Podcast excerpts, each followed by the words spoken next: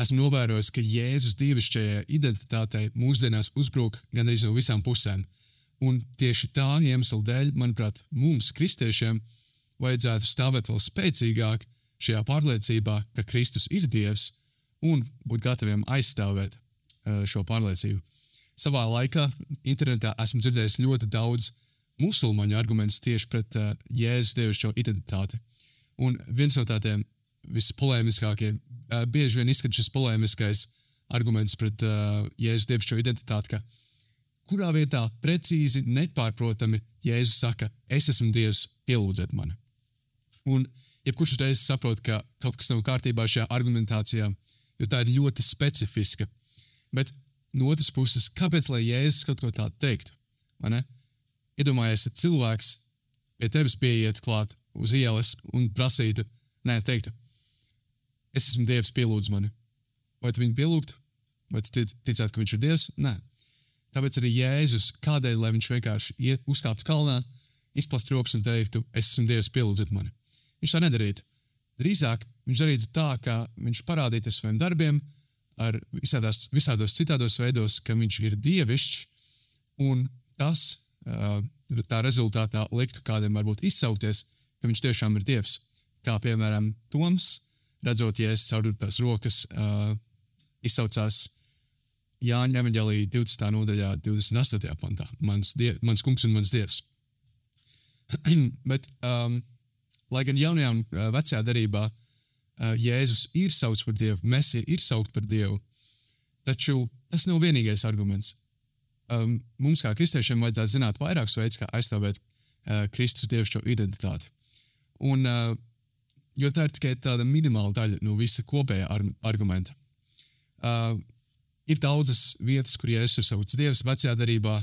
Um, Iesaistās 9, 45. psalms, jaunajā darbā Jāņa 1, uh, Jāņa 228, ko es tikko pieminēju, Titam 213, Ebreja 1,8. Ļoti daudz vietas. Es varētu turpināt saukt.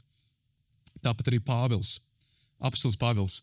Daudz no savām, ve saviem vecās darbības citātiem, kuros pieminēts kungs, tad viņš uh, citēja kādu vecās darbības citātu, kuros pieminēts kungs, Un šo, um, šo kungu, citātu viņš attiecina uz Jēzu. Šis kungs ir Jēzus. Um, un vispopulārākais tas noteikti ir Romiešiem 10.9, kur Pāvils citēja vecās darības uh, pravietojumu, proti, ka jebkurš, kas piesaugs tā kunga vārdu, tiks izglābts. Un viņš šo tā kunga vārdu pielieto Jēzum. Bet atkal fakts, ka Jēzus tiek saukts par Dievu, ir tikai maza daļa no, no tā visa argumenta. Uh, Un šajās uh, epizodēs es plānoju izveidot vairākas. Es vēlējos ņemt um, Roberta Bovmana un Eda Komazevska grāmatu Putting Jesus in His Place. Uh, un Komazevskis un Bovmans izvērs piecas Jēzus Kristus identitātes īpašības, uh, kuras ir kā, kalpo kā indikātori tam, ka Kristus ir dievišķs. Un, uh, es, es šo grāmatu lasīju kādu laiku atpakaļ, tāpēc man bija ļoti interesanti apskatīties atkal to, to argumentāciju, jo viņi tiešām ir ļoti labi. Um, pirms mēs ejam tālāk, sveicināts uh, Racionāls viedoklis podkāstā. Es gribētu pateikt tikai paldies visiem par labiem vārdiem, ko jūs esat man teikuši. Paldies, ka jūs skatāties. Paldies jebkuram, kas draudzē pienāk klāt un iedrošina mani. Tas tiešām man palīdz iet uz priekšu. Um, ok, tad uh, pirmajā epizodē es vēlos, uh, tad šajā grāmatā pirmkārt ir pieci Jēzus dievišķās identitātes indikātori. Un šajā pirmajā epizodē es vēlos paņemt vienu, uh, bet pirms, pirms mēs sākam, es gribēju uzdot jautājumu, kāpēc tas vispār ir svarīgi. Nu, savā ziņā es jau pieminēju, kāpēc tas ir svarīgi, bet uh, ļoti labs citāts ir no šīs grāmatas 20. lapas puses. Un viņš ir pārtulkots, tāpēc varbūt nav precīzi. Ja kas šis grāmatas links būs aprakstā, jūs droši varat viņu paši iegādāties un izlasīt. Es, protams, nevaru šajās epizodēs pilnīgi vis, visam iziet cauri. Bet uh, 20. Lapusē, 20. lapusē ir šāds citāts. Uh, tātad, kāpēc, kāpēc tas ir svarīgi? Lai piedzīvotu veselīgas attiecības ar Dievu, mums ir rūpīgi jāiepazīstas ar Bībeles mācībām par Jēzus dievišķo identitāti. Tas nozīmē vairāk nekā tikai zināšanu par Kristus dievi, dievības doktrīnu un piekrišanu tai, lai gan tas noteikti ir būtiski. Mums ir jāredz Jēzus kā Dievs, Mums ir jādomā par Jēzu un jāsazinās ar viņu pilnībā, ņemot vērā viņa identitātes patiesību un mūsu attiecībās ar Dievu, ar mūsu attiecībās ar Dievu un citiem.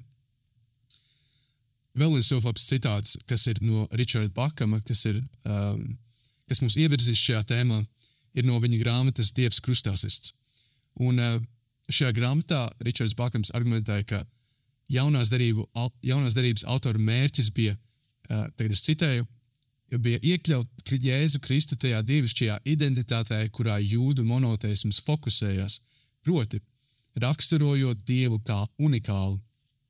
Šis vārds unikāls būs ļoti svarīgs arī ejot tālāk šajās epizodēs. Es turpinu citēt, viņi iekļāva Jēzu unikālajā dievišķajā suverenitātē pār visām lietām.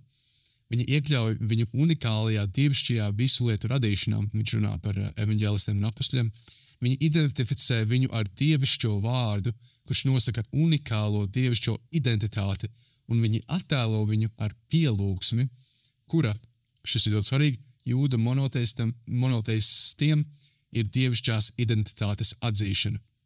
Tātad, ko Rihards Bakams saka, ir, ka jebkurš jūda cilvēks, kurš uh, lasītu evaņģēlijas vai lasītu Pāvila vēstules, viņi redzētu, ka Kristus ir dievišķs.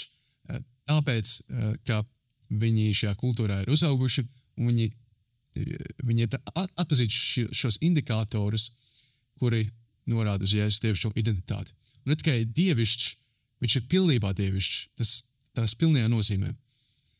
Um, okay, tad pirmais indika indikators, ka, ko šajā epizodē es gribu apskatīt, ir dievišķais gods. Un jāatzīst, ka ne visa veida godināšana uzreiz nozīmē dievību vai dievināšanu, bet ja persona saņem dievišķus godus, kas ir rezervēti ekskluzīvi uh, dievam, vai, vai liela lēruma godus, kas ir asociēti ar dievu, un ja ticīgie izpauž šos uh, godus reliģiskā kontekstā uh, vai pielūgsmē, tad tas ir ļoti labs indikators tam, ka šī persona ir dievišķa, vai ka šie cilvēki vismaz uztver šo personu kā dievišķu. Ja mēs pieņemam šo kā pierādījumu standartu, uh, tad argumenti Kristus dievībai paliek ļoti pārliecinoši. Un es pat nerunāšu par visiem vēsturiskajiem pierādījumiem, jo tādi arī ir. Un mazu daļiņu jūs varat atrast manā Instagram kontā, kur es eh, taisu tādus manuskriptus pirmdienas. Tagad pāris pirmdienas es neesmu taisījis nevienu, bet jums interesē racionāls viedoklis Instagram. Tātad uh, Jēzus Kristus ir dievišķi, dievišķie godi, uh, Jāņa 5, 22 līdz 23. Tās netiesā nevienu, bet ir visu tiesu nodevis dēlam, lai visi godātu dēlu tāpat kā tie godā tēvu. Kas dēlu negodā, tie negodā tēvu, kas viņu sūtīs. Vāra taisnīgi tiesāt pasauli jau pat par sevi iekļauj visu zināšanu un spēju izzināt cilvēka vai personas sirds. Un tas, da, tas ir tāds darbs, ko nevar izdarīt parasts cilvēks vai pravietis uh, tas ir darbs, ko var izdarīt tikai dievišķa persona. Un tāpēc es pierādu, ka dēls ir līdzvērtīgs tēvam. Un šī uh, Jāņa 5, 22, 23 beigas, lai visi godātu dēlu, tāpat kā tie godā tēvu. Mums ir jāgodā dēls tieši tāpat, kā mums ir jāgodā tēvs. Vēl, Jēzum ir dotas doksoloģijas, tas ir uh, izteiciens, doksoloģijas nozīmē slavas izteicienu. Um, Tad Jēzum ir dotas doksoloģijas, kuras ir modelētas pēc vecajā darbā izteiktajām doksoloģijām Jahvem. Tātad paņemsim dažas vecajā darbā izteiktās doksoloģijas dievam tēvam, tā, uh, jā, Jahvem vispār, ne, ne tikai dievam tēvam. Uh, bet, jā, ok, pirmā laika 29. Visai sapulcē klātesot, Dāvids slavēja kungu sacīdams: Slavēts tu, kungs, Izraēla dievs! mūsu tēvs no mūžības līdz mūžībai. Šis būs ļoti svarīgi. Pasvītrojam, no mūžības līdz mūžībai. 72. psalms - Slavēts kungs Dievs, Izraēla Dievs, kas vienīgais dara brīnumus, mūžam slavēts viņu godības vārds. Vēl no jaunās darbības var paņemt, eh, kur Pāvils uh, tieši izsaka doksoloģiju tēvam. No viņa un caur viņu un uz viņu ir viss, viņam ir gods mūžīgi. Āmen. Okay. Tātad vecajā darbā kungs mūžīgi mūžos, no mūžības līdz mūžībai, jaunā darbā attiecoties uz Dievu, mūžam slavēts viņa godības vārds. un tad 1. pētera 4.11 un 2. pētera 3.18. Pēters izsaka šādus vārdus: Jēzum pieder gods un vara mūžī, mūža mūžiem. Āmen. Viņš izsaka tādu doksoloģiju, kas ir tā formula ir gandrīz identiska tādām doksoloģijām, kādas tika izteikti vecajā darbā Jahvam. Okay, vēl.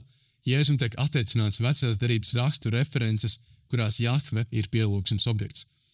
Tātad, uh, nu, piemērs būtu ebrejiem 1,6, un es uh, nolasīšu. Un kad Dievs ievada pirmzimto pasaulē, viņš saka, lai visi Dieva eņģeļi viņu pielūdz.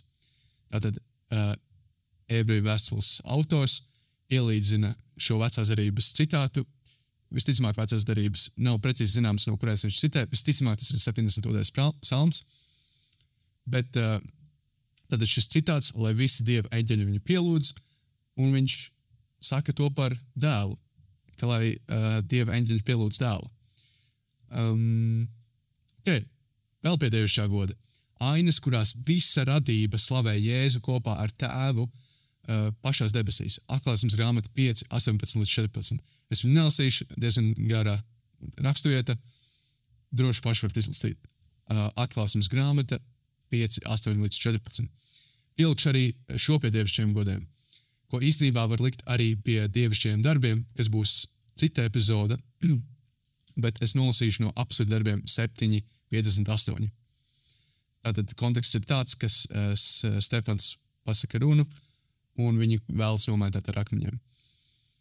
Un izdzinuši ārpus pilsētas, tie viņu nomētāja akmeņiem. Liecinieki atstāja savas drēbes pie kājām kādam jauneklim vārdā Sauls. Viņi Stefanu nomētāja akmeņiem, bet viņš Dievu piesaukdams lūdza: Kungs, Jēzu, pieņem manu garu! Un nokritis ceļos, viņš skaļā balsī ieklēdzās, kungs nesodīja viņus par šo grēku, to pateicis, viņš aizmiga. Nāves brīdī Stefans, uh, kur ir rakstīts, viņš Dievu piesauktams lūdza Kungs Jēzu. Nāves brīdī Stefans lūdz Jēzu. Vēl Jēzum tiek dziedātas pielūgsmes dziesmas, jau tā raksturvieta atklāsmes grāmatā, uh, Efeziešiem 5.19, kur kontekstā ir uh, trīsvienības formula.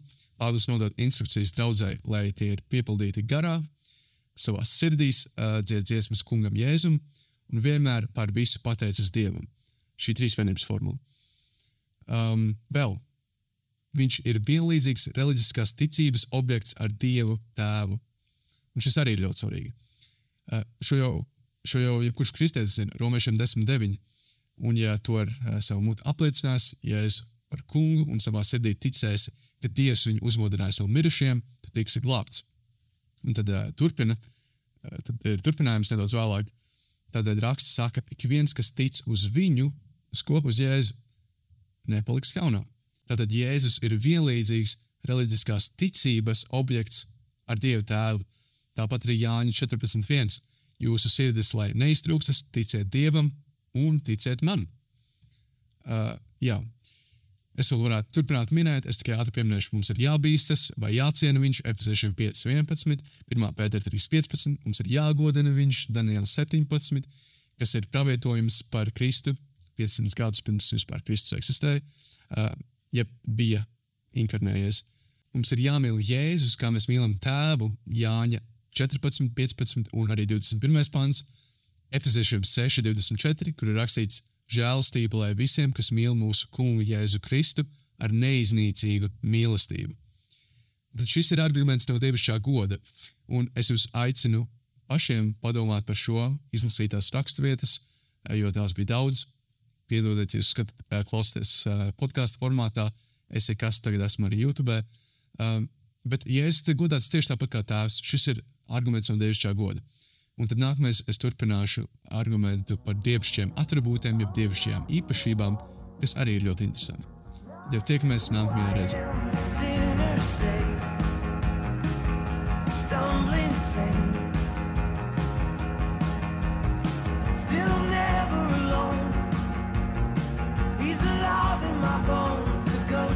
God, sanctified.